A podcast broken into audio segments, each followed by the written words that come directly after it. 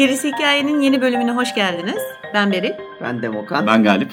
Bu hafta sizlerle Netflix'in özellikle son zamanlarda çok rağbet gören bir zamanların e, yıldız oyunu hatta hala yıldız oyunu sayılabilir Castlevania dizisini e, konuşacağız. Bu dizi bir web dizisi. Aynı zamanda adult anime olarak geçiyor. Aynı adlı oyundan ilham alınan bir anime dizisi. Asıl hikayesi tabii ki elbette Drakula'dan e, geliyor. E, fakat birebir Drakula hikayesini işlemek yerine kendince bir sürü şey katıyor. Ufak bir not ekledikten sonra hemen e, sözü Galip'e devredeceğim. Çünkü o oyundan bahsedecek ilk önce. Daha sonrasında da diziye geçeceğiz ki böylelikle daha iyi anlaşılabilsin e, Castlevania'nın tam olarak derinliği. Aslında bu dizi 2005 yılında bir film projesi olarak ortaya çıkıyor. Fakat ne yazık ki yıllar içinde sürekli bir insanlar gelip gidiyor. Proje işte kimi zaman canlanıyor, kimi zaman tekrar sönüyor ve nihayetinde 2009'da iptal olduğu açıklanıyor. Fakat hemen ardından bu anime olması yolunda adımlar atılıyor. Yani nihayetinde bu film projesi olarak başlamış fakat anime diziye dönüşmüş bir e, yapım.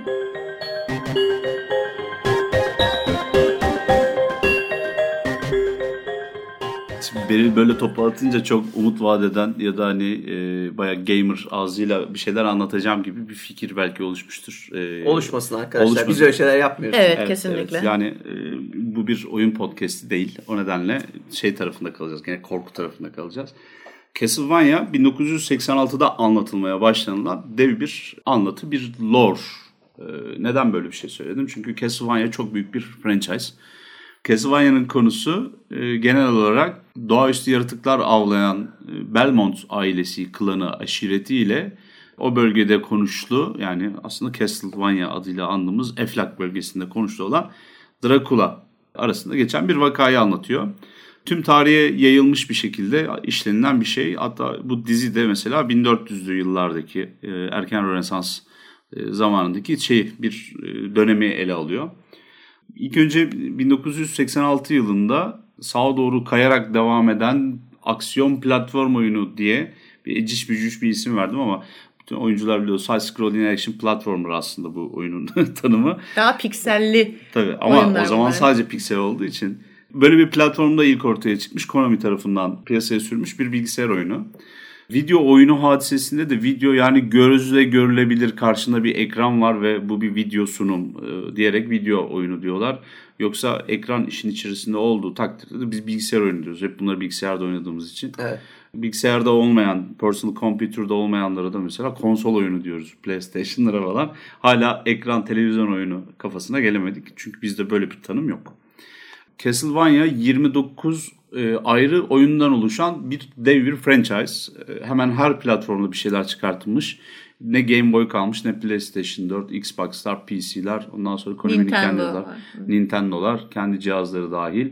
E, hepsinde oluşan bir yapı. Castlevania Universal e, korku evreni ve Hammer filmlerinin e, klasik Hammer korku filmlerinin toplamı bir şey. O zamanki kültürde korku dediğinizde ilk akla gelen şeyler bunlar olduğu için 80'li yılların ortasında. Hı hı. İşte vampirler, kurt adamlar, e, ondan sonra iblisler, iblisler e, mumyalar, şunlar bunlar işte hani Karanlık gotik ordular. atmosfer, aynen şatolar falan gibi bir yapı bize sunuyor. Esas hikayesi ilk ortaya çıktığında hatta Castlevania adı da aslında bakarsanız işte Bram Stoker tadında dalga geçilerek ortaya konulmuş şaka isimlerden bir tanesi. Transilvanya'yı ama bir şatoda geçtiğini e, savlayarak Castlevania diye bir kod isimle ortaya çıkıyor. Aslında Dracula'nın laneti ya da Dracula temel şey ve bayağı Bram Stoker'ın Dracula'sından e, yola çıkarak oluşturmuş e, bir oyun. Çok fazla fantastik role playing game deneyimi var içerisinde. Hı hı. İçeride kullanılan ekipmanlar, e, daha sonra gene bilgisayar dünyasına hediye edeceği karakter değiştirme şeyleri birden fazla karakterle oynayabiliyorsun 88'deki bir oyunda. Oyun içerisinde hatta. Şimdi ne diyeceğimizi tam olarak bilmiyorum. Aslında Castlevania ilk ortaya çıktığında da küçük bir şey anlatılan hikaye çok basit. Çok da böyle hani lame bir hikaye var ortada. Hı hı. Efendime söyleyeyim Dracula e, bir şey yapmıştır. Simon Belmont ortaya çıkar ve ona e, cezasını vermek için kaleye basar şatoyu. Ondan sonra elinde de vampirleri avlayabildiği bir kamçı vardır. Kamçı falan ilginç bu arada fırlatma silahlarının yanı sıra uzaklara vurabilen bir kamçıdan bahsediyoruz. Farklı silahları kullanıyor ama ana maz ana ana silahı herhalde kamçı değil mi? Tabii yani diğer oyunlardan Devil May Cry'den vesaireden ayıran alameti farkası olan şey kamçı hep. Kamçı değişiyor hatta Morning Star falan oluyor böyle hani onların şeyleri var ya e, ne flay'ler ne deriz biz topuz. Topuz. Topuz, topuz ama böyle hani kamçı zincirli topuz falan gibi fırlatma cihazı. Kaldı ki işin karmaşıklığını düşünün bir yerden sonra Wushu'daki yani Çin geleneksel e, dövüş sanatlarında kullanılan böyle hani kamçı savurma yöntemleri falan artık oyunun tamamen içine geçiyor. Şey de var. Balkanlarda geçiyor olması da kimsenin umurunda değil. evet o büyü yapma şeylerinde hareketleri vesairesi de o çok belirgin. E, tabii şeyde e, diziye gelirsek direkt olarak. Evet Hı-hı. dizide çok ciddi bir tabii uzak doğu etkisi konuşuruz. Bayağı uzun bir yapı ve franchise'larla alakalı geçen bölümlerde başka bir şeyler söylemiştim. Franchise işin içine giriyorsa aslında multi platform ve multi yazar hayal dünyası e, işin içine giriyor. Her yazar, her e, çizer, sanatçı kendi yorumunu ortada bulunan konsepte veriyor ve yeniden şekillendiriyor. Mesela Netflix'in izlediğimiz bu dizisi kesinlikle Castlevania'nın ilk 1986'da çıkan o şeyini e, Castlevania ve Vampire Killer e, oyunlarının sadece ufaktan bir rengini taşıyor. Yani bir genini bile taşımıyor olabilir. Çünkü yorumlar falan çok politik özellikle Hı. ikinci sezonda. Ve dev bir yapı haline geliyor. Ben kendi deneyimimi söyleyeyim. Ben Castlevania oyununu 90'larda e, birkaç kısım oynadım. E, daha sonra emülatörlerle eski versiyonunu oynamıştım. Bana çok ekstra bir şey katmamıştı. Yani benim çok e, dev hoşuma gitmemişti. Çünkü var olan hikayelere yeni bir şey eklemiyordu ben ilk oynadığım zaman. Daha sonra zaman içerisinde tabii muazzam grafiklerle, muazzam hikayeyle, arka tarafta dev bir örgüyle e, yeniden oluşturdular. Ya bir de kendi kendine tabii bir lore yaratması e, söz konusu. Yani Dracula'dan evet. ayrı bir lore yaratması söz tabii, konusu. Tabii tabii. Yani e, bilmiyorum spoiler sayılır mı ama normalde izlediğimiz Dracula karakteri e, Lords of the Shadow ayrı dalına göre Castlevania'nın bir ayrılan bir kısmı var. Bir 3-4 oyunluk bir seri. Ona göre mesela şey e, Gabriel Belmont aslında. Yani vampir avlarken falan daha sonra e, zehirleniyor bir büyü etkisiyle vampire dönüştürülüyor ve Dracula oluyor. Hatta dizide izlediğimiz Trevor, e, Trevor Belmont aslında Gabriel Belmont'un oğlu. Yani Dracula'nın bir şekilde o oğlu torunu gibi bir şey. Olmuş, ee, ya o kadar adam işin içine girip hikayeyi böyle sündürüyor uzatıyor ki. Ama tabii genelde franchise'larda bu e, zaten çok bilinen bir şey yani sündürmek. Ama güzel sündürüyorsan ona diyecek bir şeyim yok. Evet. Nefesim yetse bütün oyunları okumak isterdim size isimlerini ama öyle bir şey yok arkadaşlar. Ee, neyse oyun tarafındaki ilk şey söyleyeceklerimiz bunlar. Daha sonra geriye dönüp bir iki bir şeyden daha bahsedebiliriz.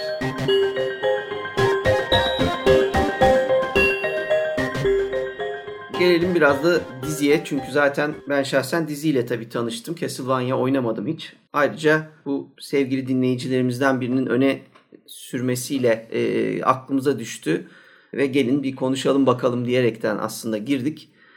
Diziyi izlediğim kadarıyla ilginç bir iki tane tarafı var. Bir tanesi hiç 2018'de yapılmış bir iş gibi görünmedi bana. Benim e, geçmişe dair anime görgüm ve bilgim dolayısıyla bu olmuş olabilir ama tıpkı 90'larda yapılmış bir animeye benziyor. Bunu kötü eleştiri ya da iyi eleştiri olarak söylemiyorum ama birebir öyle görünüyor sadece. Öne çıkan kısmı bana sorarsanız e, hikayesine girmeden önce müzik kullanımı. Bir animede çok kaliteli ve çok iyi bir müzik kullanımı var. Yani düşünülmüş, e, detaylandırılmış ses kalitesiyle yani sadece müziği değil e, efektlerin kullanımı vesairesiyle birden öne çıkıyor. Daha jeneriğiyle bir hoşunuza gidiyor e, dizi başlarken.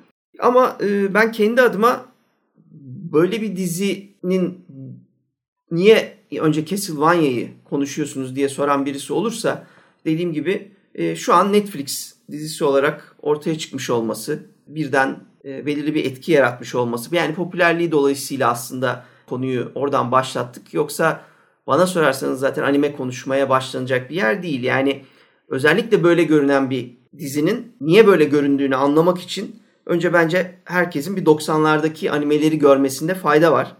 Cowboy Bebop, Neon Genesis Evangelion, Ghost in the Shell, Princess Mononoke, Perfect Blue, Elfen Lied gibi çok önemli animeleri görmediyseniz o zaman belki de çok hoşunuza gidecek bu dizi ama Ama bu saydıkların muazzam Tamam ama işte yani. işte ama şimdi bizi buradan girdiğimiz E, için tabii. ve de dinleyici genç dinleyicilerimiz olabileceğini varsayıyorum. Şimdi bunların hepsi bu köken buraya getiriyor bizi ve hepsi çok derinler. Çok önemliler.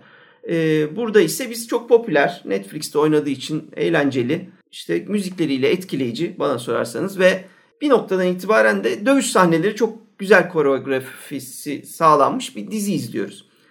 Benim ama geçen ya da bir iki bölüm önce falan söylediğim şeyi de ortaya atayım. Oradan da belki bir tartışma açarız. Tıpkı Westworld için söylediğim şey geçerli bu dizi içinde. Arkadaşlar sanki böyle atıf yaptığımızda biz birden çok entelektüel oluyormuşuz gibi bir duygu bende çıkıyor. Bu özellikle bu dizilerde çok fazla. Westworld'de de öyle. Burada da sonsuz bir korku atıfı, eserlere atıf, karakterlere atıf dolu bir dizi ile karşılaşıyoruz. Yani ama bir yandan da bana çorba olmuş gibi geldi. Yani iç, iç demin Galip'le Beril'in söylediği gibi işte yok o silahın uzak doğuya ait olması ya da işte speaker magicianların hareketlerinin e, nereden geldiği filan bunların hiçbiri tam olarak hani derinliğine doğal olarak dizide inemiyoruz gibi geldi. Evet. O yüzden de böyle bir çorba var. İşte Morning Star diye bir şey kullanılıyor.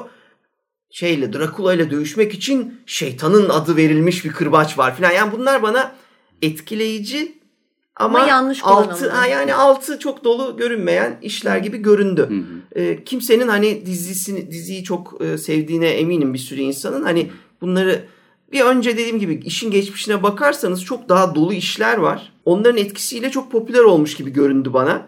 Ha ama dediğim gibi çok güzel şimdi birazdan konuşacağımız yanları çok etkileyici yanları var. Adamı çok kısa sürede av- avucunun içine alıyor dizi. Şey de ilginç tabii. Yani o tebliğciler mesela benim gözümde Hurufi ile tebliğci arasında bir şey. O konuşanlar, speaker e, şeyleri. Ondan sonra arka tarafta bir sürü toplanan gene orta çağ andıran aslında ve e, yeni bir bakış açısıyla elden geçirilen kaçınılmaz olarak bir şey de var. Kasaba da var. İnsanların duruşu falan aslında çok Amerikalı. Seni sarmamasının sebebi birazcık o. Cowboy Bebop falan çok iyi işlerdi.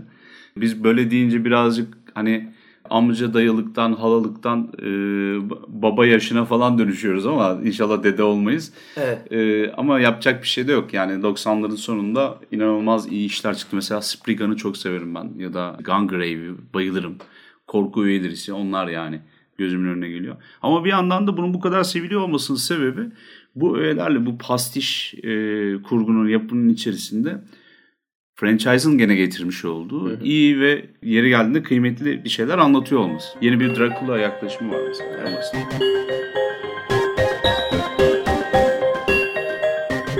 Şimdi ilk önce bir ufak şey vereyim, bilgi vereyim. Bu işin yapımcısı Kevin Colden. Project 51 diye bir firması var ve e, yapımcılığını üstleniyor. Warren Ellis tarafından yazılıyor.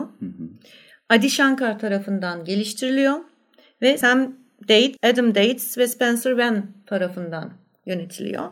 Bölüm bölüm farklı bölümlerde farklı yönetmenler var. İki sezondan oluşuyor. İlk sezon kısa fakat e, ikinci sezon daha uzun. Üçüncü sezon içinde e, Netflix yeşil ışık yakmış. E, yani onun da gelmesi yakındır diyelim. En azından bir beş sene beklemeyiz diye tahmin ediyorum.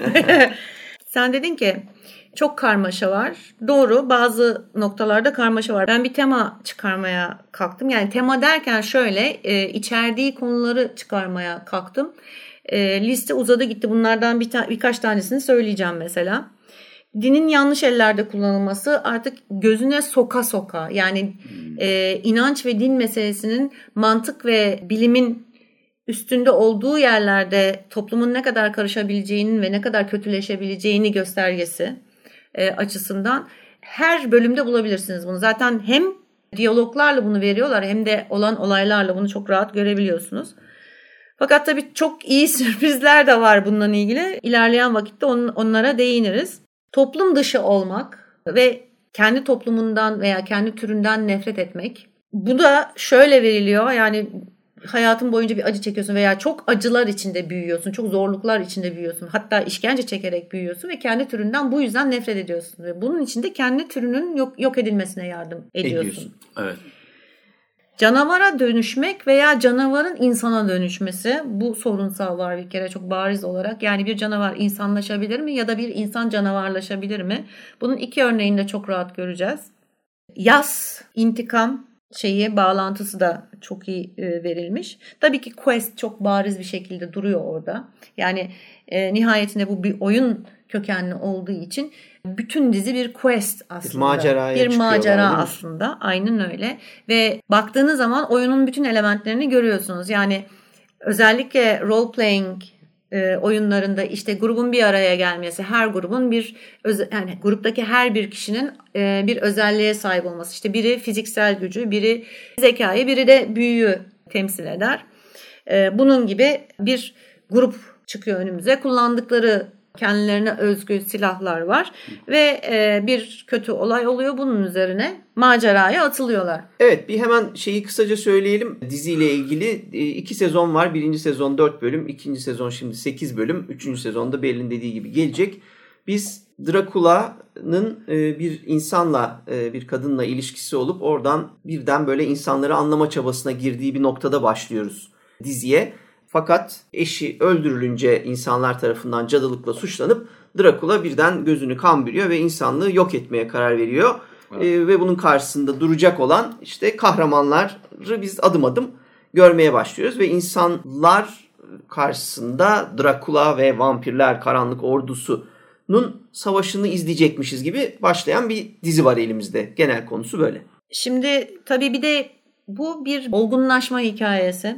Yani başta e, son derece naif yani masum da demeyelim de tecrübesiz özellikle iki kahraman tecrübesiz iki kahramanın zaman içinde olgunlaşması e, üçüncü kahraman zaten doğuştan olgun yani böyle de bir durum var e, çünkü nihayetinde Drakula'nın oğlu ve dolayısıyla çok fazla bilgi var ve çok çabuk büyümek zorunda kalmış. Hı hı. Olgunlaşmak zorunda kalmış bir kahramanımız var. Ama ne kadar olgun olursa olsun gene dizi içinde yani hikaye ilerlerken bu olgun kahramanımızın da daha fazla olgunlaştığını görüyoruz. Fakat tabii ki bu olgunlaşma her zaman mutlu sonu getirmiyor.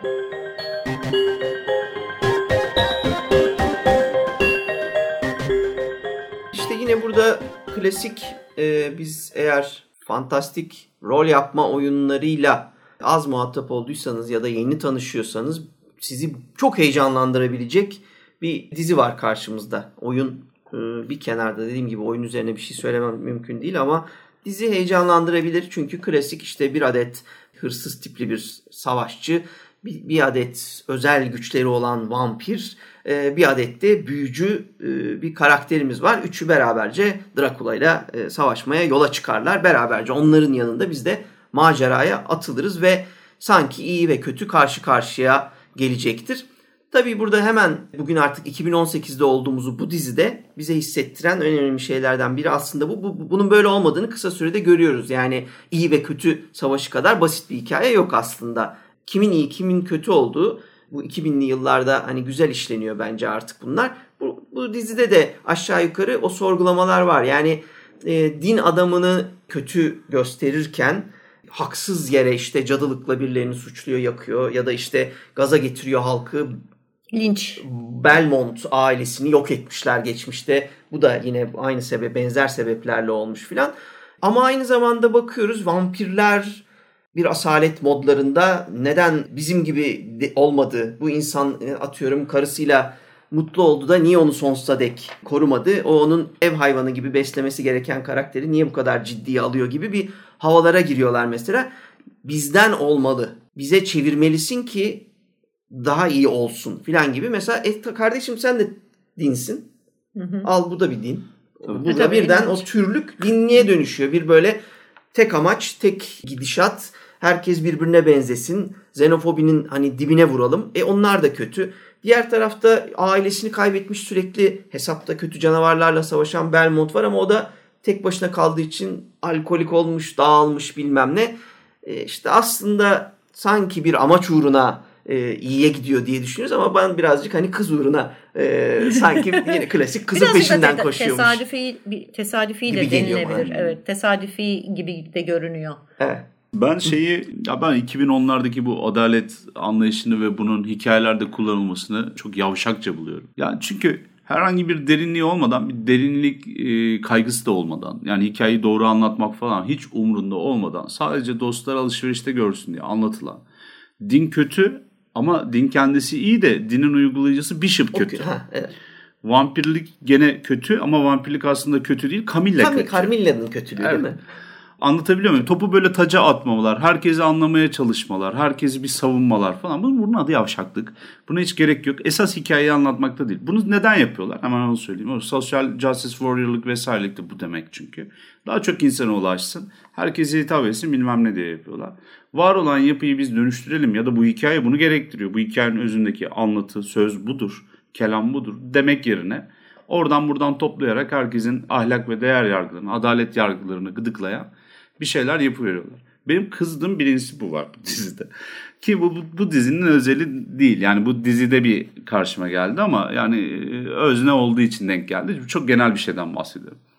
İkincisi bu hikayenin çocuksuluğu beni öldürüyor artık. Yani sadece bu da değil bir sürü live action bilmem nelerde de aynısı oluyor. Ya eline sopayı alan 3 gün içerisinde gidiyor o diyarın alemin en kral adamını öldürebiliyor. Böyle bir şey var mı arkadaş ya? Böyle bir şey yok yani böyle bir dinamik de yok. İşte ben doğuştan bilmem kimin soyundan geliyorum. Yok işte mage'mişim falan öğrenemezsin. Yani bunun üzerine biz o Matrix'leri falan boşuna mı izledik? Herif 3 filmde kendine gelebildi. Tavernada Han'da 3 tane kıçı kırık köylüden evire çevire sopa yiyorsun ve alkolün bittiği halde yani yara ayık vaziyette. Ondan sonra dışarıya çıkar çıkmaz da eline bir alet geçtiği anda da vampirleri öldürmeye başlıyorsun ki bazı yerlerde böyle binayı yıkan devasa canavarlar var. Onlara iki tane şey vurup işte kılıçla orasını kesti mi tak ölüyorlar falan gibi şey yapıyor. Bunlar çok power player hileleri. Evet çok güzel bir yere değindin. Araya bir, şununla girmek istedim. Adult bunun böyle olduğu iddia ediliyor dizinin. Ee, bu tamamen kanla ilgili olduğunu düşünüyorum. Evet, ben kan vahşet. gösterimi, vahşet gösterimi yüzünden diziyi sanki yetişkin bir diziymiş gibi gösterirlerken aynı anda karakterlerin altyapılarının boşluğu dolayısıyla bir yandan da Galip'in dediği gibi yani pazar sabahı hani çocukluğumda seyrediyorsam bayılırdım kesinlikle. Ama o kadar. Şimdi hemen senin o söylediğin şeyin üzerine ben ekleyeceğim. Buna bu kadar derinlikli bakmaya gerek yok. Neden gerek yok? Çünkü zaten derin olmak zorunda değil. Benim anladığım kadarıyla en azından benim hissettiğim e, açıdan bu adult demelerin sebebi aslında bizim yaşımıza hitap ediyor. Yani 80'lerde genç olmuş insanlara hitap ediyor. Çünkü bu, bu bir nostalji. Yani o şekilde bakmak lazım bu diziye. Sana e, o zamanlar seyrettiğin, zevk aldığın animeleri veya işte oyunları onları hatırlatmak için yapılmış bir şey. Yani bir çeşit koleksiyon parçası gibi. Yani benim izlediğimden ben öyle almadım şahsen. yani çünkü bir kere ben ben, ben de dediğim gibi şu anki tepkiyi işte Galip'in de söylediği şeyi oluşturuyor. Yani e, tamam okey nostalji yapacaksak yani e, Stranger Things'deki gibi yapılabilir. Yani bana gerçekten bunu çok iyi yaparsın. Birinci sezon için konuşuyorum Stranger Things'in. Bir şeyleri çok iyi yaptığın için ben ama şimdi ben böyle hissettiğim zaman ya kardeşim çocuk değiliz artık.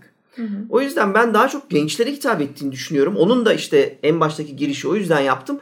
90'ların sonu 2000'lerin başındaki müthiş anime kültürünün belki onlarda olmaması dolayısıyla etkileyici görünüyor olabilir. Birazcık geçmişe bakarlarsa o dizilere müthiş işler var. Yani e, buraya gelene kadar. E tabii ki canım. Ya şimdi burada aslında biz metotta birazcık patlat, patlıyoruz. Yani sevmiyoruz. O da şu. Eline kılıcı ya da gücü alan bütün evrenin hakimiymiş gibi davranamıyordu. Yani o dizi olduğu için özellikle belli bir karakter gelişimi işte kahraman yolculuğu falan tatbik ediliyordu. Sonuçta bir karakter gelişimi görüyordum. Burada bir gelişim gelişim yok. Bir de işin kötü tarafı hani John Milius sonrasındaki Conan filmlerinde Roy Thomas'ın anlattığı Conan çizgi romanlarında hep geçen Conan zaten belli bir seviyeye gelmiştir ve bizim, izlediğimiz e, maceraların hepsinde güçlü, kaslı, barbar, e, savaşçı adam diye bilinir. O yüzden bir daha gelişime ihtiyacı yoktur. Adam kılıcı eline aldı mı zaten olay çıkartıyordur falan gibi bir ön kabul var idi.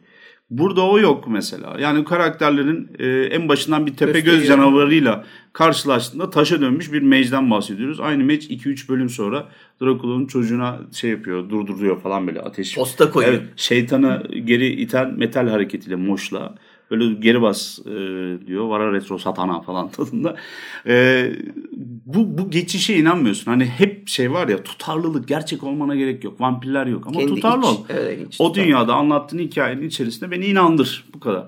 Şimdi bu Ya o kadar da- inanılmazlık varsa kü- kütüphaneye girdikleri zaman e, o karanlık ordunun bir kısmıyla da işte 4-5 tane yaratıkla da büyük yaratıklar bunlar. De Dev şey şey yaratıklar yani çok tehlikeli yaratıklar. Onları da e, Çat çat çok öldürdüler. rahat alt ettiğini görebiliyorsun. ki her biri Tabii bir o yönden köye bakınca. tabii her biri bir köye bedel büyük ihtimalle hani yok etmek Tabii tabii yani o büyülü yani bakın Belmont ailesi diye bize bir e, lore veriyorlar başta. Bu sadece böyle bir isim olarak geçiyor ama yahu yüzyıllardır savaşmışlar filan. Biz iki cümlede şimdi bütün geçmiş bilgimizle buraya diyoruz ki evet burada çok önemli bir şey var. Yüzyıllarca kötülükle savaşmış bir aile var, bir soy var.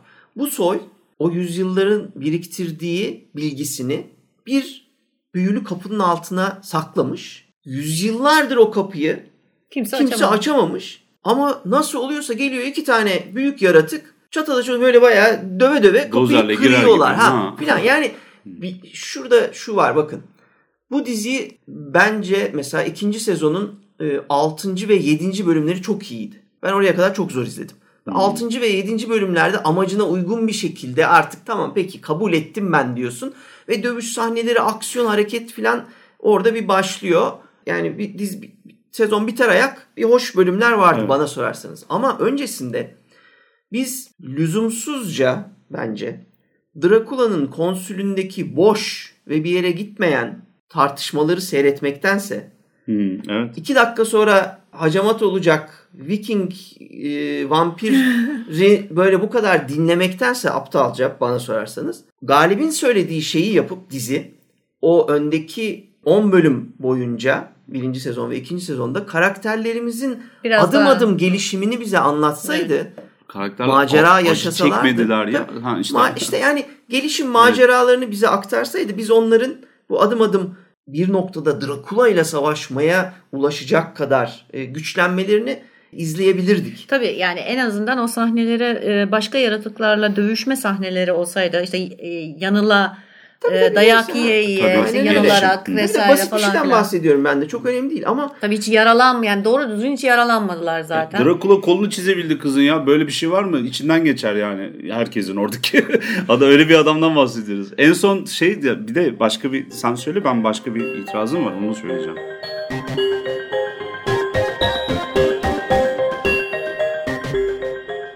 Okey. O zaman ben güzel bir şeyden e, gireyim. Yani benim hoşuma giden şeylerden bir tanesi. Tabii ne kadarı herkes e, farklı algılayabilir muhakkak ki ama benim algıladığım şey bir kere Drakula'nın bir bilim adamı olarak yani şöyle ki bilimle ilgilenen, bilgiyle ilgilenen dünya dışı bir yaratık olarak resmedilmesi. Benim en çok hoşuma giden oydu. Yani aslında bir alien Yani dönemine yani oradaki- göre yabancı toplum dışı ama bence inanılmaz bilgeydi mesela dediğin. İşte evet. bilge ama bir de şunu da veriyor. Şimdi mesela kullandığı şeyler o e, ayna parçalarını birleştirerek işte gemiyi mesela bir kaleyi gemi olarak evet işte diyorsun. gemi işte kaleyi gemi olarak görüyorsun ve onu e, hareket ettiren bir mekanizma var. E, ve deney tüpleri görüyorsun. Bir kere insanın yani insanla alakalı olarak pek çok bilgi sahibi olduğunu e, öğreniyorsun. Bütün bir çerçeveyi göz önüne alacak olursam oradaki Dracula profili zamanında yani çok çok eski belki insandan bile önce Dracula e, dünyaya düşmüş e, gemisiyle ve e, zaman içinde insanı incelemiş e, ve kendi soyunu yaratmış bir varlık, bir uzaylı. Peki fakat ben yine orada bir ister istemez mesela gireceğim çok güzel noktalara çünkü böyle nokta atış şeyler söylüyorsun. Bu kadar bilge ve devasa bir karakter bir adam var önümüzde. Ama ben hep bu insan kibrine ge- geliyorum yani hani insanın kibri. Ben olmasam var ya hiçbir şey olmazdı kibri bu. Ta bi- bin yıl yaşıyor varsayıyorum daha çok yaşıyor neyse on bin yıl yaşıyor. Sonra bir tane kadına aşık olunca anca aklı başına geliyor. bir kısa bir süre için insanları merak ediyor. O güne kadar insanım insanı hiç merak etmemiş. Kesmiş, bitmiş, yemiş, hiçbir Ben şey yapmamış. Ben de öyle Benim düşünmüyorum. ha, benim gördüğüm o. Benim ben şimdi Evet, dizi dizi özelinde ben onu gördüm. Evet, şimdi evet. konuşuruz. Ama hiçbir şey yapmıyor adam. Sadece işte o kendi e, varsayımsal ne yaptığında, ne işe yaradığını da benim tabii tam anlamadığım gemisini hareket Hmm. ettirmek dışında bir bilime sahip ama bunu kesinlikle insanlarla falan paylaşmıyor. Doğru. Hiçbir şey yapmıyor insanlara. Derken bir kadın çıkıyor. Ona aşık oluyor. Yine aşk için yapılan şeyler yapılıyor. Kadın öldüğü anda da bu dizinin şey değil yani hani bunu zaten bu Girişlerin diziyi ilk bölüm. izlemeden zaten dinlemezsiniz diye varsayıyorum ama başa yazarım ben spoiler diye. Yani bu kadının e, ölmesiyle beraber de sanki böyle çat diye birden yine aslında hiç değişmemiş. Evet. Evet ve bu bilgeliği o yüzden e, ben bir türlü tıpkı işte karakter gelişimini görememe derdimden dolayı tahminen aynı Galip'le paylaştım. O dertten dolayı şeyde de göremiyorum, hissedemiyorum.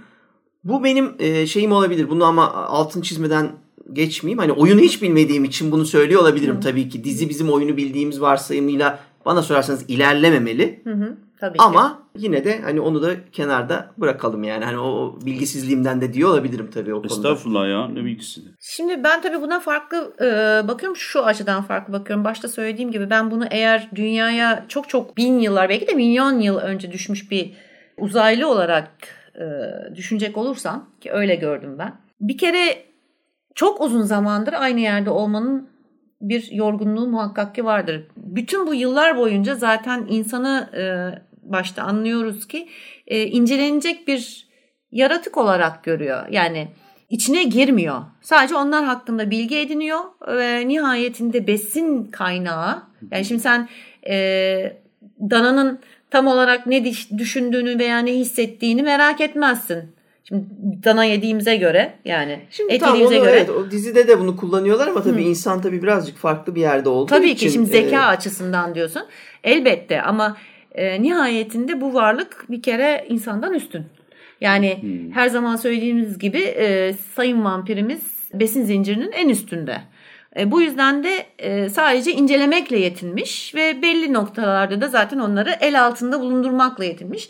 Ki kendi ırkını zaten çoğalttıysa yani kendi türünü çoğalttıysa e, bunu da yalnızlığını gidermek için yapıyor, dönüştürüyor yani.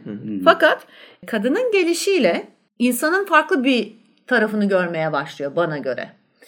İnsanın farklı olabileceğini, hepsinin aynı olmadığı çünkü nihayetinde eğer incelediyse bin yıllar boyunca insanın sürekli kendini yok etme çabasını görmüştür. Ee, ve büyük ihtimalle salak bunlar yani bunlarda beyin yok Ee, ya da tamam zeki hayvanlar ama yeterli zeka yok diye düşünüyordu. Ama iyi bir tane iyi bir örnekle karşılaşınca yani nadir bulunan bir örnekle karşılaşınca onları anlama çabasına girişti. Fakat bütün bu çaba ki anladığım kadarıyla belli bir noktaya kadar artık neredeyse insanlaşacak noktaya gelmek üzereyken tekrar hayal kırıklığına uğruyor ve e, diyor ki bunlar hakikaten beş para etmez ve bunlar yok edilmeli. Bunlar haşerat başka bir şey değil. Yani demem o ki e, aslında kadın onun e, bu bin yıllık yorgunluğuna veya bezginliğine e, bir ara veriyor, bir amaç veriyor. Yani orada bulunmaya devam etmesi için bir amaç veriyor. Belki de orada kısıldı kaldı yani başka yere gidemiyor. E, ki o kadar bin yıldır belki de milyon yıldır oradaysa e, ki durum budur. E, bir amaç yani yaşamaya devam etmesi için bir e, sebep veriyor. Fakat o sebep ortadan kaybolunca yaşama ve e, varlığını sürdürmeye dair isteğini kaybediyor. Ee,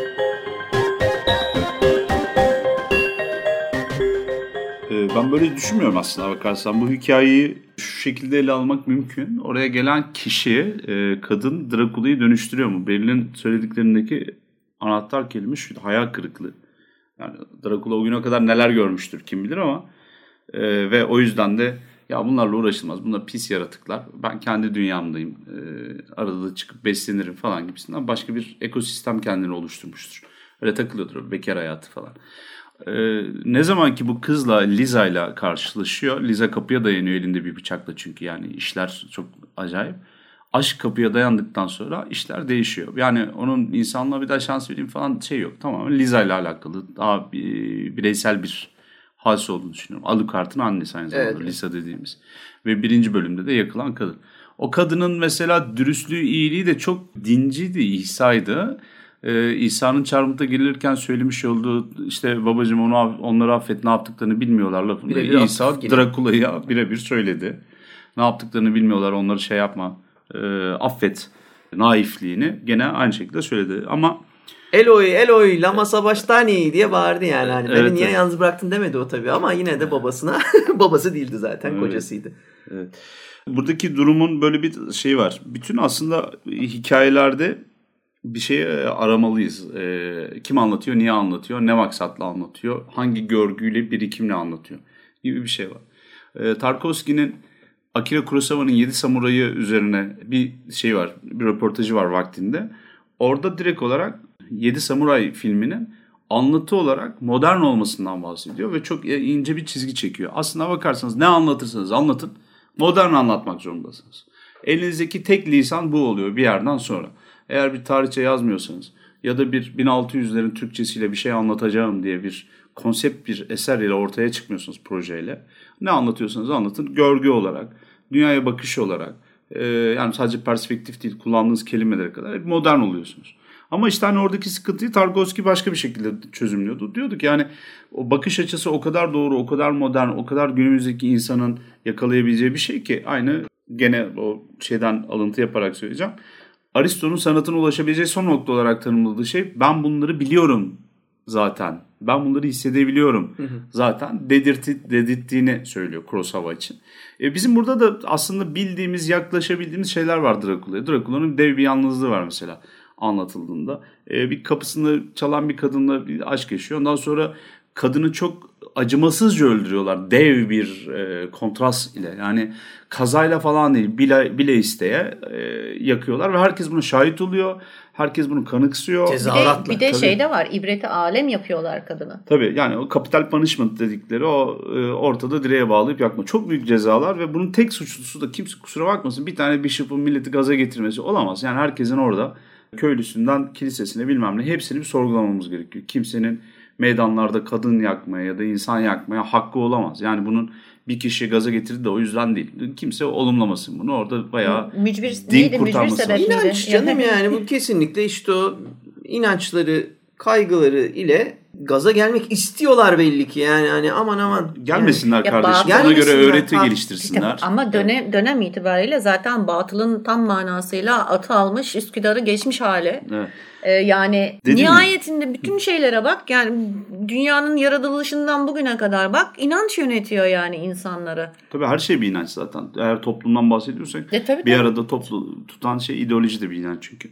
Neyse e, dedim yani hikayeyi kim anlatıyor, kime anlatıyor, niye anlatıyor diye. Şimdi hikayeyi kim anlatıyor dediğinizde baktığınızda genç bir insanın anlattığını düşünüyorsunuz bence bu franchise düşünüldüğünde. Ve kime anlatıyor dediğinde Amerikalıları anlatıyorlar ve çok Amerikalı anlatıyorlar. Bu ne demek? Ee, yakın zamanda Netflix'in başka Outlaw King diye bir tane filmi çıkmıştı mesela. Ee, Bruce'u anlatıyor. Fatih Bruce olarak geçen. Ee, Robert Bruce'u.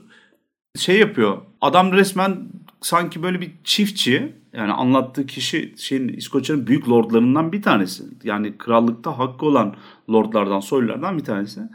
Çiftçi kendi küçük kalesinde, derebeyliğinde takılırken e, olumsuz bir şeyler olmuş. Sanki yola çıkmış. Yani William Wallace gibi anlatmaya Ya, çalışıyorlar. freedom diye Amerikalılar böyle düşünüyorlar. Çünkü Amerikalıların çoğu, Amerikalıların o filmi satın alacak kişilerin çoğu burada, orta sınıfta kendi halinde yaşayan insanlar. Ama zaten bu çok belirgin bir template değil mi? Yani hani bak son Mohikan, son Samuray yani hepsi kendi başlarına kendi halinde yaşarken bir olay olur. Çığırdan çıkarlar. Ondan sonra e, yel değirmenlere karşı savaş açarlar. Yani Ama ben burada kahramanın kökenini söylüyorum. Yani e, gelmiş olduğu geçmişten ya da hani bağ ailesinin yapısından e, soylu mu değil mi o sınıfsal altyapısından falan bahsediyorum. Burada da böyle anlatması da o Drakula'nın en son Alucard'ı oradan orada duvardan duvara sektirirken falan döverken bir anda aa burası senin odan ve ben senin odamda işte hani Liza'nın e, fotoğrafını görüp kendi o e, odasında oğlumu öldüreceğim falan. Bunlar çok Amerikalı laflar.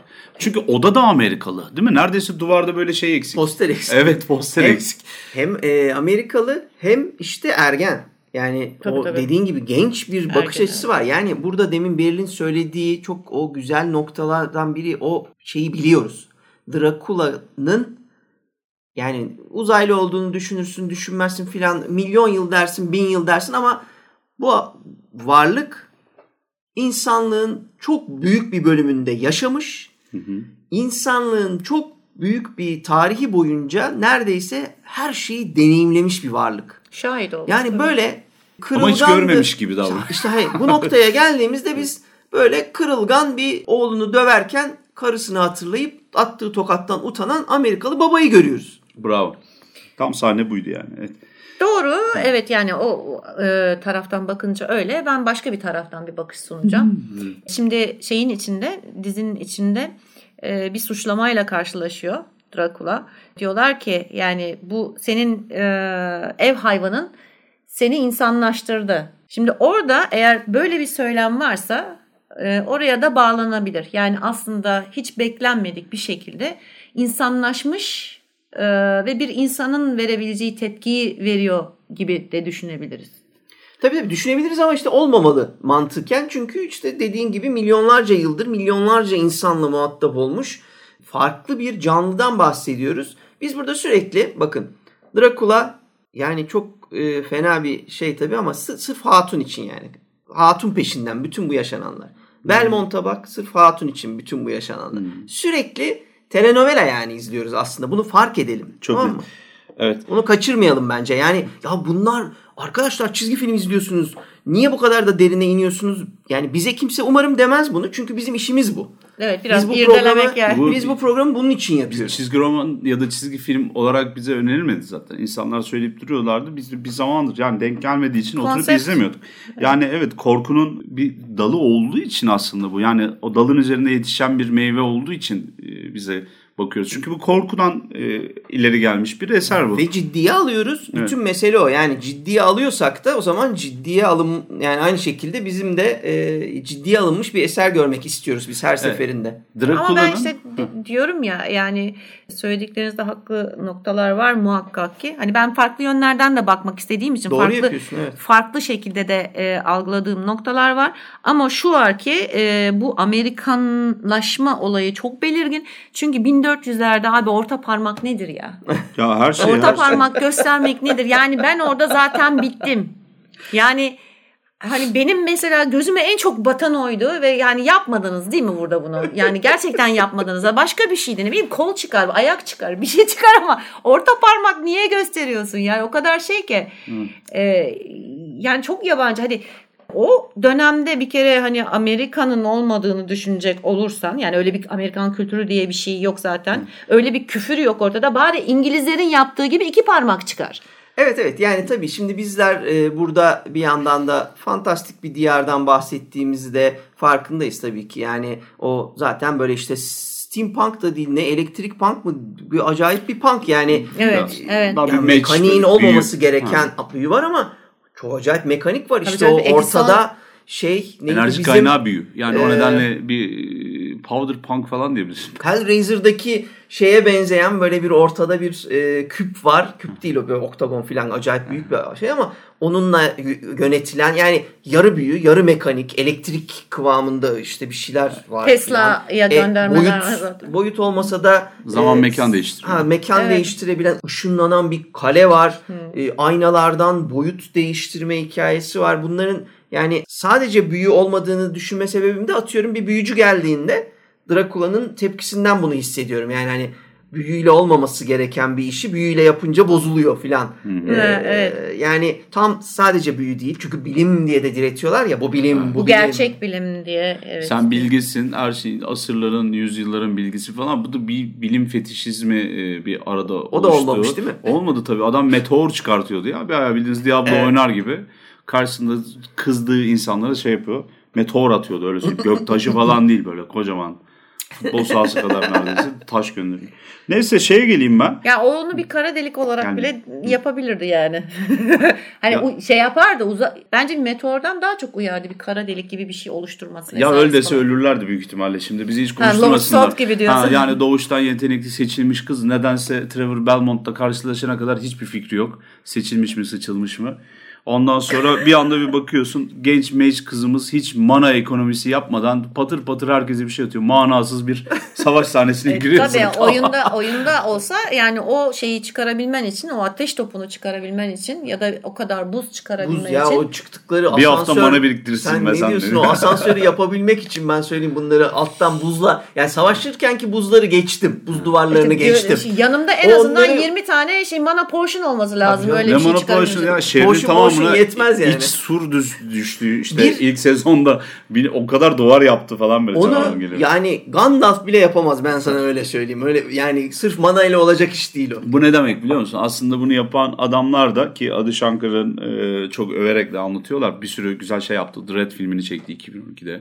işte Tom Jane'le beraber Punisher'a e, e, gönderme ya da güzelleme Dirty Laundry'yi yaptı falan. Adam güzel aslında. Eserlerde sıkıntı yok. Fakat biraz FRP'si kıt olduğunu görüyoruz. Biz de hani bu konunun uzmanı değiliz ama bu kadar da ucuz ucuz anlatılmaz. Böyle bir şeyin oyuna girdiğini düşünsene. Üçüncü dakikada ölüyorsun. Sonraki iki hafta boyunca ha diyorsun. Bir aydınlanma geliyor. 3 ay 5 ay sonra ne olduğunu anlıyorsun. Yani ya imkanım var. O kadar Elder Vampir'in arasına gireceksin. 20 günlük 10 günlük şey. Mage e, su büyüsüyle ortadan ikiye böldüm vampir öldü. Zaten yani öyle vampiri öyle kesme biçmeler de yok.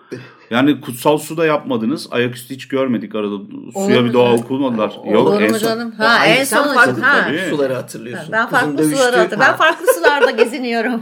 İşte e, kilise kötüydü. Kötü rahipleri öldürdüler mesela. İlk sezona gene gidiyorum. Ondan sonra aranızda başka din adamı var mı? Ha iyi rahip varmış. Tamam kilisenin namusunu kurtardık falan gibi böyle saçma sapan karmaşa bir yapı ortaya çıkıyor. Ee, şey de var yani nihayetinde hani e, kiliseye zaten etmedikleri hani şey kalmamış. Öyle bir eleştiri var ki kilise ve inanca karşı. Yani sürekli var zaten. Her bölümde var. Her bölümde bir gönderme, her Ama bölümde bir şey psikopasa var ya. Doğru. Ama psikopasa var değil mi? İşte yani psikopa- sadece E, aynen öyle kiliseye yani. de saldırmıyor. Kiliseye diyemiyorlar. O Bireye kadar. saldırıyor. Hayır. Kiliseye dedi. Bizzat kilisenin kötü olduğuna dair en son bölümlerden bir tanesinde söyledi. Ne dedi? Yani kilisenin ne kadar kötü olduğunu biliyoruz dedi yani. Onu ben duymasaydım zaten e, aynı seninle aynı kanıya varacak ya. Sadece psikopos bazında ama kilise kurumuna hani inanca bir şey demiyor bak. İnancın kendisine bir Yemez şey demiyor. zaten bütün Sadece inanışla il- hareket Evet ediyor. evet. aynen öyle. E, meselesi kiliseyle. Yani şeyle değil. inancın kendisiyle değil. O da yeni kilise demek. Yani yeni kiliseye e, laf etmemek demek. Eskisini gömmek de aslında bir yerde onu getiriyor.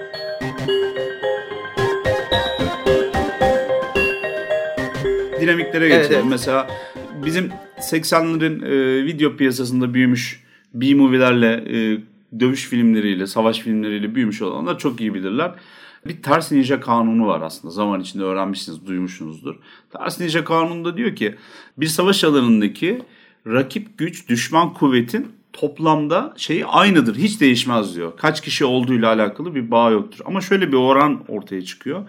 Toplamda atıyorum 10 birimlik bir güç varsa düşman kuvveti 100 kişi varsa onlar bölünür diyor. Ters ninja kanunu da kendisi çok güzel formülize etmiş. Ortamdaki ninja sayısına e, sayısı arttıkça onların ölme hızı çoksa artıyor. o kadar hızlı ölüyorlar herifler. Denklem var. Denklemde e, toplamdaki ninjaların kuvveti eşittir. Ortamdaki toplam güç bölü ninjaların sayısı. Bunlar parantez içinde artı e, gene ninjaların sayısı ekleniyor ki böyle oluyor. Bu ne demek? Bunu da hemen artı şey yapmışlar. Ninjaların sayısı azaldıkça efektli böyle hani etkileri artıyor. 100 tane ninja'yı bir dalıyorsun. 1 dakika sürüyor 90 tanesini öldürme. Sonra 10 tanesiyle 15 dakika uğraşıyorsun. Gibi bir kural var. Her yerde de böyledir. Bunlar işte hani en son kapışmada da ortalama e, ilk sezondaki köyü basan, şey, kasabayı basan canavarlarda da hepsinde de aynı oldu. Böyle e, çekirdek çitler gibi çıt çıt çıt çıt bütün baba vampirleri canavarları öldürüyorlar. Sonra bir tane iki tane kaldı. O efendim yok yaralandı çok uzadı uzadı uzadı falan. Tamam mı? Böyle bu zaten hani diziyi dev klişeler arasında sokuyor. İlk sezonu çok gömüyorlardı Rotten Tomatoes'da. Oradaki hadise de direkt ortaya çıkıyor. Burada da öyle. Bir tane adam kaldığı zaman yarım saat onunla uğraşıyorsun. Ama 50 tane aradaki Elder vampiri kestin. Ki giyimine, kuşamına, karakter tasarımına deli uğraşmışlar. Evet. Dövüşüyorlar falan onlar. Böyle şey yapıyorsun. Bunları gördüğün zaman ben şeyden kopuyorum. De ki bir şey patladı. Hepsi ölüverdi. Bitti yani. Aa, orada dedi zaten. Ne dedi? Yani koca bir orduyu, orduyu zaten nehirde boğdu gitti. Yani e, kutsadı ya Bishop. şeyi, Ha. suyu. E, koca bir ordu zaten hiçbir şey yapamadan hop dedi gitti. Ama bu en sonunda da ama gelene ya elinde kamçı var kamçıyı vuruyorlar. Bu bir kişi de demiyor ki kardeşim bak biz bu kamçı tehlikeli bir şey. Belli ki bu kamçı metalden yapılmış. Bunun insana değmeyeceği bize zarar vermeyeceği şeyler yapalım. Öyle patır patır ölmeyelim. Bir kişi de demiyor böyle. Herkes üstüne üstüne atlarken bizim Trevor Belmont Belmont e, havada şöyle iki çeviriyor kamçıyı. Çat birine vuruyor. Birini ağzına sokuyor. Birinin içinden geçiriyor. Bir tanesinin parmağını kolunu kopartıyor. Oydu buydu dövüş sahnelerinde direkt bu şekilde görüyoruz. Ya gerçekten hiç zevk vermiyor. Neredeyse atlayacağın sahneler. Hiçbir şey ortaya koymamış. Yani ben niye bu kadar... Estetik olarak güzel ama. Yani, Yani yok, değil estetik. estetik Benim geleni ta birini vurdum öldürdüm. Tamam, birini şimdi- vurdum öldürdüm. Hayır birini şey vurdum. ben animasyon şey açısından çocukça yani bu, onu diyorum. Yani Tamam, bir şimdi- film değil nihayetinde bu animasyon yani. Yok yok e, şeyi e, ben de dövüş amacın ben oraya gittiğini düşünerek ben o de- dövüş sahnelerinden zevk aldım. Galibin Evet. söylediği altyapının doğruluğuna rağmen yani e, söylediği doğru. Bu böyle bu kadar basit olmamalı kısmına Elbette. katılıyoruz. Yani evet. Ama e, hani o sahneler dediğim gibi benim beğendiğim dizinin beğendiğim kısımları işte o sahnelerin olduğu çünkü Aksiyon oraya sahneleri. gidiyordu. Bu şeye benziyor yalnız. Benim üzüldüğüm kısım o işte. Bu doluluk olabilecekken olmamış. Bizim biz niye bu kadar heyecanlanıyoruz? Ee, elinde çok güzel malzemeler var. O malzemeleri dozunda kullanırsan, kafamıza bu kadar çok klişe atmazsan, bu kadar basitçe hacamat etmezsen hikayeyi aslında çok güzel bir şey Yani çok olabilecekken daha iyisi yapılabilir tabii ki. Ha, bu bu hale gelmiş. Bu Evet. birazcık o e, hayal kırıklığını da e, anlatmak gerekiyor bence. Benim e, aslında genel olarak bir şeyi beğenmemek ve beğenmediği zaman beğenmedim kardeşim der çıkarsın ama Galip Dursun bunu demiyor. Benim de bütün bu tavrımın arkasındaki şey de şu. Ya birileri geliyorlar e, benim bütün hayatım boyunca bir yani hayatımın erki olmuş. Bütün hayatım boyunca uğraşmış olduğum konularda eserler ortaya koyuyorlar. Ve çok kötü yapıyorlar. Bir daha eser ortaya koymak niyeti olmadan gelen yapımcılar vesaireler yapıyorlar bunu. Ya da kitap yazarları. Geliyorlar kullanıyorlar ve bombok bir şey bırakıp ortaya gidiyorlar. Daha sonra onları okuyan, bunlarla karşılaşan herkes zannediyor ki korku böyle bir şeydir. Ya da korku öğeleri kullanıldığı zaman ortaya gotik şeylerde, eserlerde e, ortaya çıkan şey budur. Biz daha sonra bu milletin kirletip, kullanıp, üzerinden parasını da bir güzel kazanıp, suistimal edip gittiği şeylerle uğraşıyoruz. Çünkü biz turist değiliz. Burada kalıcıyız. Buradayız yani. Kalıcı derken gidecek bir yerim yok yani. Ben bu nedenle de bu mevzulara kızıyorum. Böyle eserler gördüğüm zaman da eziyorum. Kimse de kusura bakmasın.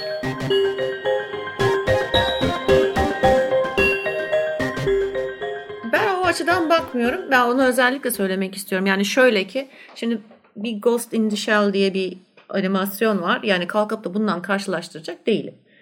Mesela. Ee, ya da Animatrix gibi. Ee, yani bunlarla karşılaştırmıyorum. Ben tamamen yani animasyonun kendi içinde ne olduğuyla ilgili bakıyorum. Yani başka bir karşılaştırma yapmadan bir kere ben buna bir korku diyemem. Her ne kadar kandan veya belki de küfürden bilemiyorum. Hani bunu adult olarak e, belirtmiş olsalar ki ben çok şaşırdım adult olarak hani sınıflandırılmasına. Ama Kandır ya. genç yetişkine veya gence e, yönelik bir şey. Çünkü yüzeysel. Yani derinlikte değil. Ama bunu kabul ettiğiniz zaman yani bunun evet bu derinlikli değil. Bu bir korku türünün temsilcisi tam olarak değil. Çünkü gerçekten değil. Bu bir FRP veya RPG yani. Anlatabiliyor muyum? Yani korku şey olarak- fantastik işte. Hayır korku fantastik olarak geçiyor ama bu daha çok oyun bazlı olduğu için, oyundan geldiği için Hmm. bunun oyunun bir animasyonu olarak düşünmek gerekir. Yani bu evet oyunlar var mesela şey Vampire the Masquerade var mesela. Yani onun şeyi gerçekten çok güzeldir oyunun. Hani hem hikayesi güzeldir, hem işleyişi güzeldir, hem oynayışı güzeldir ama Castlevania'nın da oynayışı e, gayet evet. güzel olabilir. Özellikle son dönemde çıkanlar e, ben merak ediyorum. Oyun bundan daha iyi Yani bu arada. RPG özellikle özelliklerini taşıması ve daha çok silahın, daha çok karakterin katılmasıyla çok çok daha iyi olduğuna eminim. Ama bu bir oyun animasyonu. Yani oyun oyundan alınma bir şey. Bir kere oyunun en başından alın, alınmamış ki bu.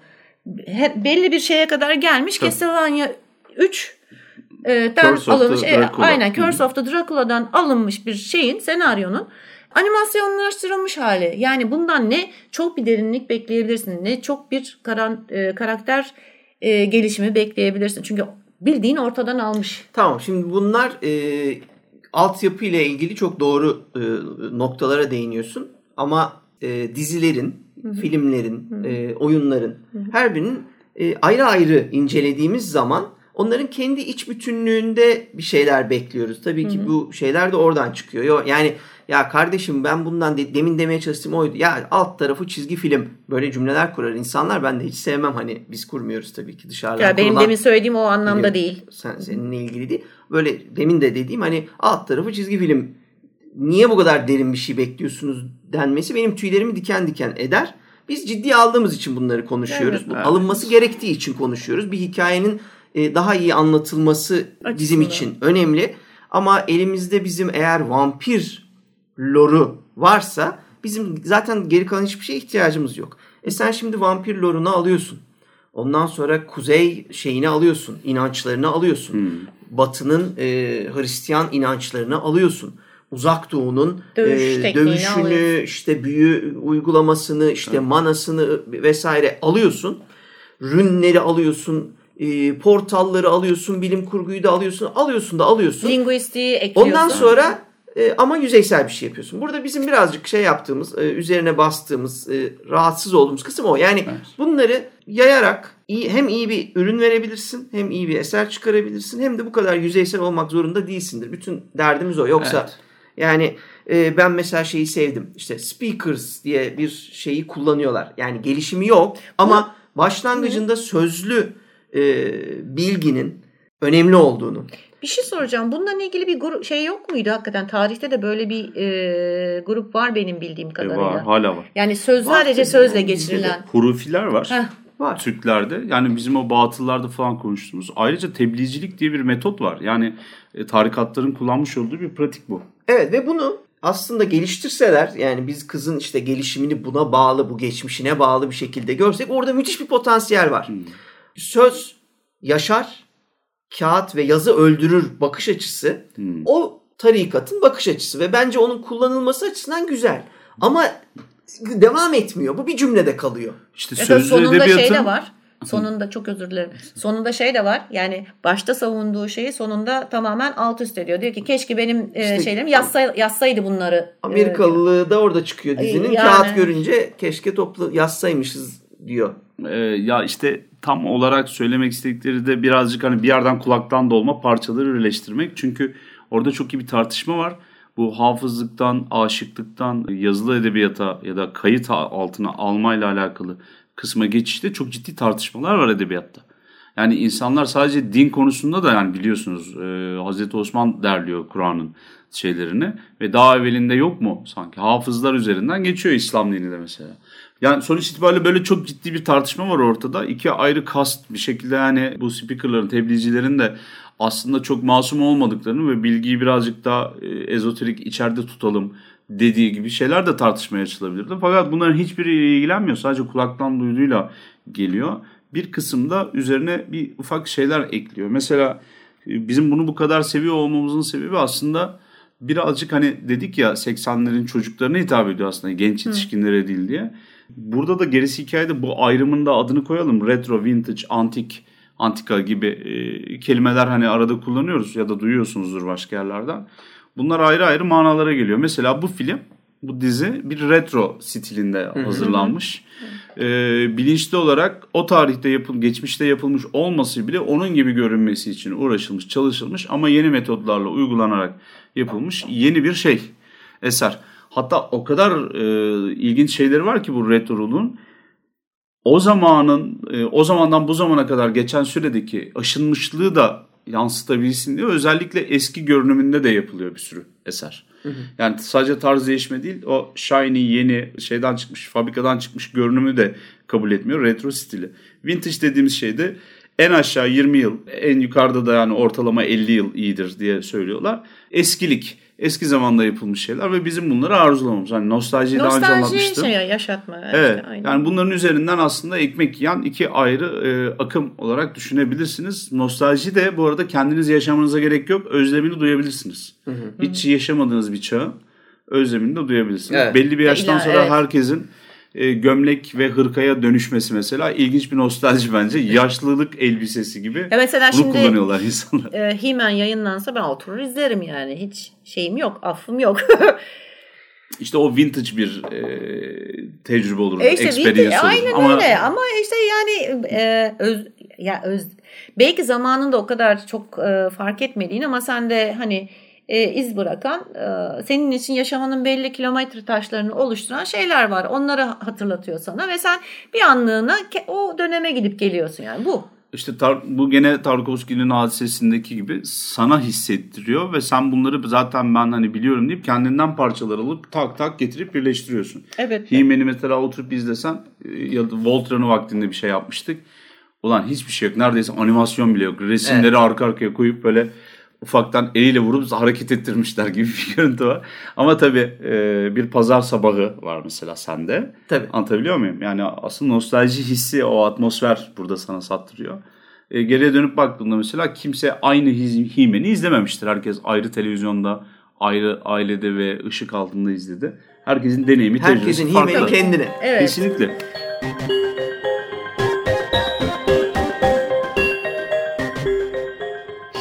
De e, bu speakerlar dışında ben e, sevdiğim bir şey daha var. Onu da e, söyleyeyim istiyorum. O da bu Hector ve Isaac karakterlerinin e, özellikleri. Dracula e, kendisine bir ordu kurması için iki tane insandan e, yardım alıyor açıkça ve bunların da özelliği tıpkı bir demirci gibi isimleri de zaten hani oradan geliyor. E, forge ediyorlar döve- döverek ölüleri yeniden hayata döndürmek.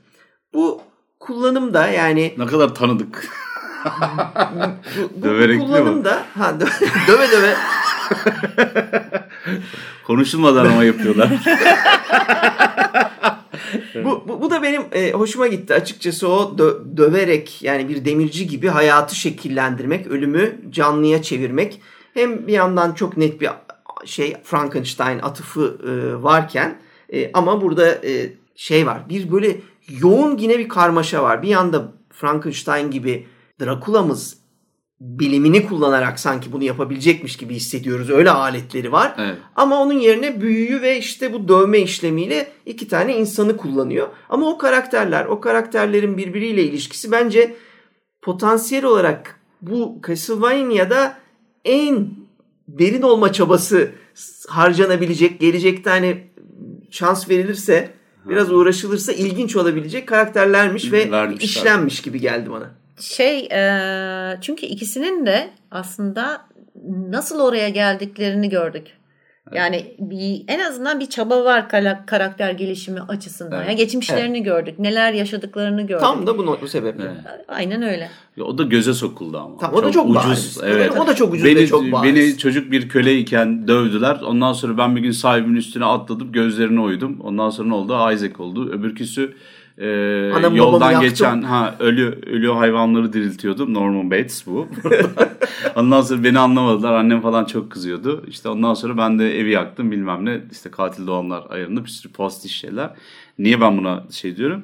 Çünkü abi forger falan diyorlar da forge'dan kasıt o işlemek demek o tamam mı? Hani demiri işlemek, onu şekillendirmek gibi bir manası var orada terim. Ama arkadaş Necromancer'ın tamam mı? Yani Dibine vurmuşlar. Yani adını neden kullanmıyorsun ya? Ayıp mı Necromancer deyince artı 22 mi olacak? Yani bilmiyorum böyle bir şey de yok büyük ihtimalle. Sırf millet de anlayabilsin. Kendini hani ben bu terimi bilmiyorum geri zekalı gibi hissetmeyeyim diye büyük ihtimalle Necromancer demeden direkt yok ne Forger bıraktılar ne bilmem ne adam aldı çekişte vuruyor. Hiç orada ritüeli göstermiyorlar. Isaac zaten bir, bir şey vurmuyor bıçakla Evet, yapıyor evet, o. o tamamen kan büyü, falan da vermiyor. Tamamen büyüyor ama şöyle bir şey de var. Yani o konuda da dikkat çekeyim. Bu nekromansi olmayabilir. Neden olmayabilir? Çünkü nekromansi yani ölüyü kaldırır okey ama dönüştüremez. Nekromans e, yani Değiş- dönüştürüyor. nasıl dönüştürüyor ya? bir benim, sürü benim dönüştürüyor işte. nekromansi ölüyü canlandırmak veya onu ani- anime etmektir veya yönetmektir. Okey? Ama bir başka yaratığa, bir gece yaratığına, bir ne bileyim başka bir varlığa dönüştüremezsin. Burada başka bir yaratığa veya varlığa dönüştürme hikayesi var. Hmm. Ama işte hani o yaratık gene aynı formunda kalıyor. Sadece hani daha büyük, daha bilmem ne Hayır, falan halinde. canım? İşte insanları biraz Değişiyor. daha canavar yapıyor evet, ya. canavar Ama yapıyor. tipi formu değiştiriyor. Hala iki kolu var. Ekstradan bir şey fışkırmadı anladın mı? Tentacle gelmiyor olmadı falan da gibi. bekliyoruz yani. Hani Evet. evet. yani dediğim gibi şey değil. Ee, bunlar her şey kullanılmış. Maşallah. Çorba değil aşure yapmışlar yani. Evet. Bütün e, mesele o. Ba- bu- Biz şimdi bakın çok fazla ıncık cincik giriyoruz. Çünkü işte nostaljimize saldırdılar. Bunu yeterince iyi yapmadılar filan kıvamlarda görünsek de aslında işin altyapısındaki e, bilgiyle, görgüyle bu iş değişiyor. Bundan e, lezzet alabilirsiniz. Yani ben de biraz zorlansam da başta izlemekte sonra izledim bitirdim. Yani e, çok böyle berbat kötü bir şey izledik falan gibi bir durum yok. Sadece bunları bu potansiyelleri daha iyi kullanabilecek hmm. umut verici bir dizi görünümündeydi. Hmm. Ben mesela oyunları merak ettim. Ee, bilgi, hmm. kaldırabilecek bir bilgisayarımı aldığım zaman hani yeni çıkan oyunlara bir bakacağım. Ee, ama keşke bu kadar tek hedefli işte Amerikalılar anlasın diye yapılmasaydı Tek, tek keşke o orta Eflak, parmak çıkmasaydı. Ha, tabii ya Eflak, ya evet, Eflak tamam. köylüsü niye İskoçya'da İrlandalı gibi konuşuyor? Ya, yani evet. ben Anadolu korku öykülerini çevirirlerse İngilizceye başımıza geleceğinden korktuğum şeylerden biri burada birebir gördüm. E tabii temel fıkrası diye bizimkiler de İrlanda şakaları, İskoç fıkralarını çevirdiler ya 80'lerde 70'lerde televizyon programlarında. yani Dur, bir de... öyle konuşturmaları bile çok şey, evet, çok Amerika.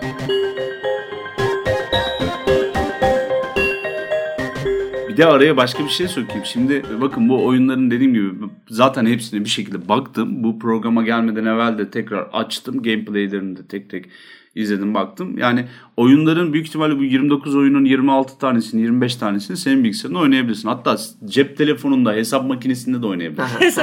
yani o kadar eski. Ee, 1986 tarihli oyun diye başlıyor ve çağlar boyunca devam ediyor. Yani bu internetin ve şeyin karanlık evet. dönemlerinde e, bu oyunların hepsini oynayabilirsin. Ama şunu görüyorsun mesela kendine ait karakteristik bir ekstra e, oyunu değiştirebilecek ekstra bir şey koymuyor. Mesela bir sürü oyun vardır. O geldikten sonra bütün oyunlar ona benzer. Half-Life böyleydi, Quake böyleydi. Anlatabiliyor muyum? Bu ama var olan yapıyı hikayeyle zenginleştirmeyi tercih eden bir yapısı vardı Castlevania Çağ her açma zaman. yani. Yani açmaya odaklanmıyordu. Daha iyi bir hikaye anlatıp daha shiny böyle daha göz alıcı işte hani vampirleri de kurt adamları da anlatayım falan diye. Kurt adam falan çok görmedik gece yaratıkları dışında ama ilk oyunda Mumya Kurt Adam daha sonraki serilerde var. Hı. Şey gibi diyorsun yani şey bu uh, first person shooter neydi? Uh, Quake mi diyorsun? Hayır hayır değil değil değil. Counter Strike gibi yani çağ açan e, oyunlar Tabii, gibi değil. Değil. Yani öyle bir amacı hiçbir zaman olmadı. O yüzden de hani ekstra akılda kalıcı, yenilik veren bir yapısı olmadı. Bu ne demek aslında? Bunu, bunu aynısını şeyde de görüyoruz.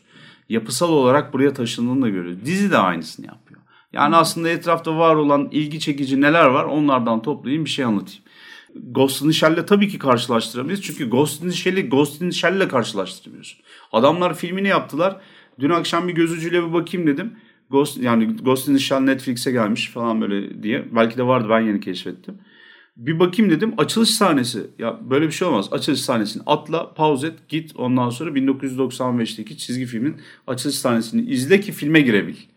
Yani ses, müzik, ondan sonra anlatı, oradaki şeylerin akışı, grafik olarak kalite bunların hiçbirini taşıyamıyorlar. Yalnız şunu ben de belirtmek istedim. Başta bu isimleri sayan ben olduğum için aman diyeyim kesinlikle karşılaştırma kabul edecek örnekler söylemedim ben zaten. Hı hı.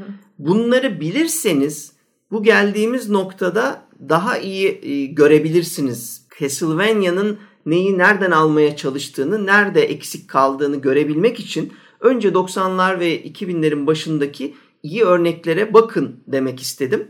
Onlara baktıktan sonra ancak biz bu eleştirileri yapabiliyoruz zaten. Şimdi e, ilk sezonda hiç derdimiz olmadan ortada bir din eleştirisi ve bir e, fanatik manyağın kendi dünyevi zevkleri ve hırsı yüzünden e, dünyayı kana bulamasını görmüştük. O Bishop'ın yedi bir nane yüzünden o psikoposun. E, Drakula'nın bir anda ortaya gelip bir sene sonra hepinizin canını alacağım deyip ortadan kaybolma hadisesi var.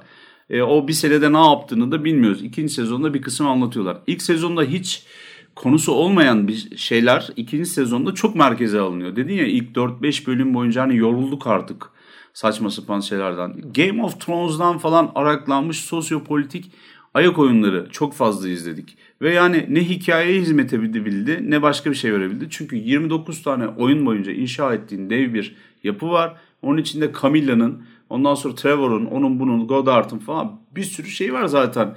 Hikayesi var. Ona vakit ayrılmış. Sen 5 bölümde diyorsun ki Camilla milleti kandırmaya çalışıyor da bilmem. Bu arada e, ufak bir ek yapayım. Game of Thrones'un da e, e, ne derler alt altyapısı tamamen e, Çin imperial e, politik Romans. romanstan gelmedir. Evet. Yani tamamen hem de. Tamam şimdi tabii ki e, zaten hani dizi de zaten hafifleştirmiştir. Game of Thrones'u da çok fazla e, övmeye gerek yok bence. Kitap çünkü gerçek olayı daha evet. derin bir şekilde inceler. İlk dört kitap en azından e, başarılı bir şekilde çevrimdir. Hem Çin politikasını dediği gibi e, Berlin Çin hikayelerini hem belli ki Martin Bizans'ı iyi biliyor. Çok Ya, bariz tabii. Bizans hikayeleriyle falan. E, güzel harmanlamıştır ama yapıla yani aşağı yukarı bir şeyler yapılabilir. Onların derinine inmek mümkündür. Keşke öyle bir yerlere gitseydi Yani. diyorum. Şunu söylemek istiyorum ama yani orta ortada hakim olan şey neyse hadi bundan da koyalım gibi bir e, şey gördüm. Böyle bir bakış açısı gördüm ve bu çok e, iyi değil aslında ve e, hikayeden sizin düşmenize neden oluyor. Yani e, iki kasaba, üç bilmem ne. Adam işte hani gidiyor rüya görüyor, vampir bir şeyleri arzuluyor. Ondan sonra insan e, danışmanlardan çekiniyor falan gibi böyle ucu açık, nereye bağlanacağı belli olmayan. Eğer varsa ki bir dinamik, insanlar gerçekten böyle bir davranmak zorundaysa, ortada bir protokol varsa kimse birbirine şöyle davranmaz böyle. Bizim bundan da bir haber olduğumuz bir e, şato içi politik sahne ortaya konuldu. E, hiç manasız. En sonunda da zaten o politik sahne mane kalmadı. Adamlar birbirine harala gürele geldiler böyle. Ayak oyunlarından yeter deyip. Şimdi o zaten politik e, şey hiyerarşi e, konusu orada ağır bir şekilde var. Yani onu yap koymuşlar ama hani şu an için en azından ikinci sezon için hani çok hafif görüyoruz onu çok fazla görmüyoruz. E, ben biraz üçüncü sezonun ne olabileceğinden e, şöyle bir e, tahmin yapmak istiyorum. Bir kere e, bunlar birbiriyle e, yani bir sonraki e, savaşın olacağı yere doğru yola çıktılar. Şeyi gördük Hector'la Isaac'ın ayrı ayrı yoldan kendi kaderlerini yaşamaya başladıklarını e, gördük. Herhalde 3. sezonda e, bir ya da bir büyük savaş olacak. Bizim kahramanlarımız da oraya doğru gidiyor çünkü. E, fakat oradan da Styria'ya geçecek diye düşünüyorum. Yani o da 4. sezon olabilir bilemiyorum. Ama şu var. Şimdi e, en azından Konami açısından bakıyorum. Oyunların gelişimi açısından baktığın zaman e, ilk oyunda çok fazla bir hikaye yok ama daha sonraki oyunlarda hikaye gittikçe gelişiyor, dallanıyor, budaklanıyor. E, tahminim daha da gelişeceği hani çok derinleşir mi orasından emin değilim. Amerikan dokunuşunu kaybeder mi oradan hiç emin değilim. Ama birazcık daha hikaye gelişebilir. Belki birazcık daha hani karakter karakterin yolculuğu daha ön, öne çıkarılabilir. Çünkü şu anda zaten elimizde iki tane ciddi sağlam ka- karakter var. En azından yola çıkmış. Kahramanlarımız var. Ee, bir de kötü karakterimiz var. Baş kötümüz var. Evet. Ee, yani bunların gelişimi belki e, Carmilla'nın hikayesi daha uzun anlatılabilir e, falan gibi e, düşünüyorum. Ama dediğim gibi yani bunun derinleşir mi? Amerikan dokunuşunu kaybeder mi? Vesaire bu, burasından emin değilim. Fakat izlenmeye değer olarak gelişebilir diye düşünüyorum. Drakula'yı diriltmedikleri sürece bunun 3. 4. sezonun bir esprisi olacağını zannetmiyorum. O Camilla Mamilla bunlar bu kadar güçlü değiller. Ama şu gerilim olabilir. Drakula'nın diriltilmesi galiba oyunlardan bir iki tanesini kullanmışlardı. Ya Hector ya Isaac onu düzelt e, diriltmek. Ama Hector'du galiba ona ihanet eden kişi. E, onun yerine geçip de bir tane şeyin baş kötüsü olmuştu oyunlardan birinin. Öyle bir şey gidebilir. Ama bütün amaç Drakula'nın geri gelme ihtimali. Çünkü Drakula çok büyük. Yani oyundan büyük bir karakter. Onun zaten olması. ipucunu veriyor. Son sahnede onu bir hayal olarak görüyoruz ama bence o hayal değil. Bence o e, var olan bir esans. Yani o şatonun içinde hala onun esansı var. Var olmaya devam ediyor ve bence rahatlıkla dirilte, diriltilebilir diye düşünüyorum ben. Amerikanlık meselesinde bir değişim olma ihtimali zaten yok. Çünkü bu bir Netflix dizisi. Ee, orada Tabii. bir e, olacak bir şey yok. Ama bence şu ana kadar bu iki sezonu en iyi anlatan e, bir tane cümle var babasıyla dövüşürken Alucard bunu söylüyor. Diyor ki bütün bu felaket, devasa katastrofi tarihin en uzun intihar mektubu sadece e, diyor. Biz de onu seyrediyoruz aslında. Castlevania belli ki oyunlarıyla çok etkili olmuş. Ardından da popüler kültürün tam böyle en popüler e, noktalarını yakalayıp bir aşure yapıp günümüz izleyicisine üzerine böyle şeyle kazanla e, korku kültürü fırlatıyor. Kürekle böyle değil mi? Aa, böyle yani dediğim gibi kürek bile değil yani böyle şeyle graderle fırlatıyor yani. e, bu izlenmez iş bir iş değil bence. E, izlenebilir. Özellikle geçmişi bilmiyorsanız çok eğlenerek de izleyeceğinize de eminim. Umarım birileri bunu izleyip keyif alırsa e, oradan geriye dönüp ya bu neymiş diye işin geçmişini araştırır. Bu sayede belki bir faydası olur Castlevania'nın korku kültürüne. Evet. Ara ara bana şeyler geliyordu. Seneler boyunca hepimiz duyduk bunu. Ya neden işte şu şekilde bir bir şey yazmıyorsun da parayı bulmuyorsun gibi şey. Sanki yazınca hemen para bulunuyormuş gibi. Yok öyle bir dünya. Yıldızların hizaya gelmesi daha kolay arkadaşlar. Doğru yapımcı, yönetmen ve şeyin ki yıldızların değil mi, gezegenlerin hizaya gelmesi böyle bin senede bir gerçekleşiyor ya. Hiç yoktan bir kesinlik var onlarda. Yani burada o biliyor. Yani bir ara onlar aynı hizaya gelecek yani. Çok büyük şans. Yani çocuklarını falan kaçırırsan belki lafını dinleyebilirler. Öyle insanlar var. Ee, ama yo- yorum olarak hep böyle geliyor. İşte hani bilmem ne bilmem ne filmleri yapıyorlar. Parayı buluyorlar. E sen de oturup böyle cinli falan yaz. insanların uygulanabileceği. Alın yazmışlar işte. Yani tam Türkçesi o. Yapılmışı var. Piyasaya oynama denilen şey aslına bakarsan bu Castlevania'nın ruhunda olan şey. Bu adam bu Adi Shankar yapımcı olan e, hem de neydi? E, executive producer olan kişi Uygulayıcı yapımcı. uygulayıcı yapımcı bu işin peşine de düşen böyle değildi bu adamın bakış açısı. O ben Dread'i falan çok sevmiştim iyi bir filmdi. Ki o da biraz çalıntıydı. Şimdi oradan bir uyanmamız lazım. Dread Redemption filminden falan arak olan bir e, Evet, Judge. Dredd e, dünyası kurmuştu ama gene e, eli yüzü düzgün fazla toplama görünmeyen bir şeydi. Bu, bu direkt olarak piyasa oynama bir şey olmuş.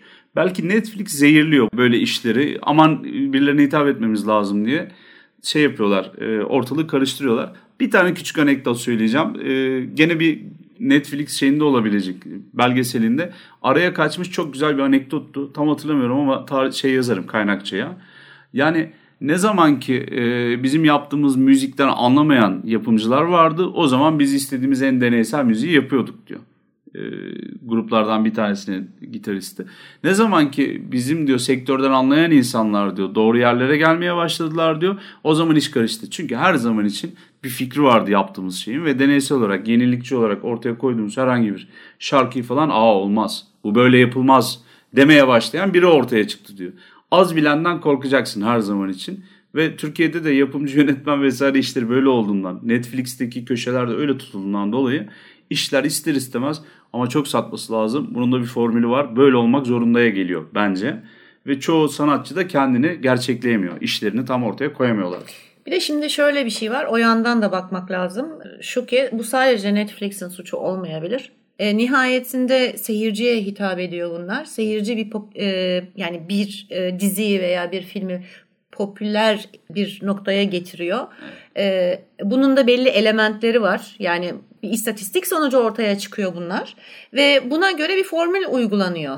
E, yapımcılar da, senaristler de ve bu işe para koyanlar da e, bir sonraki sezon için hatta birkaç sezon için yeşil ışık alabilmek için e, bu formülü uyguluyorlar. Yani bu Netflix'in dayatması değil de e, yapımcıların da yaptığı bir hesap da olabilir. Evet işte biz burada e, aşağı yukarı geldiğimiz nokta benim gördüğüm kadarıyla Cowboy Bebop'tan bu noktaya geliyoruz. Cowboy Bebop'ta e, kendi başına ha yani kendi başına kendi efsanesini yaratırken varsayıyorum ki Castlevania'nın öyle bir şansı pek e, olmayacak bugün baktığımız açı itibariyle. Bu hafta sizlerle çok büyük bir e, aslında popüler kültür e, muammasını ve efsanesini konuştuk. Cas- Castlevania. Bilgisayar oyunlarından animasyon projelerine bir türlü bitmeyen ve en sonunda da Netflix'in iki sezon olarak yayınladığı e, animated serisine kadar bir sürü şey anlattık. Aynı zamanda da korku öğeleri, korku kültürü, piyasaya iş yapmak, internet dizileri falan gibi bir sürü şeyi konuştuk. Dilerim hoşunuza gitmiştir. Gelecek bölümde görüşmek üzere. Görüşmek üzere. Bizi dinlediğiniz için teşekkürler. Görüşürüz.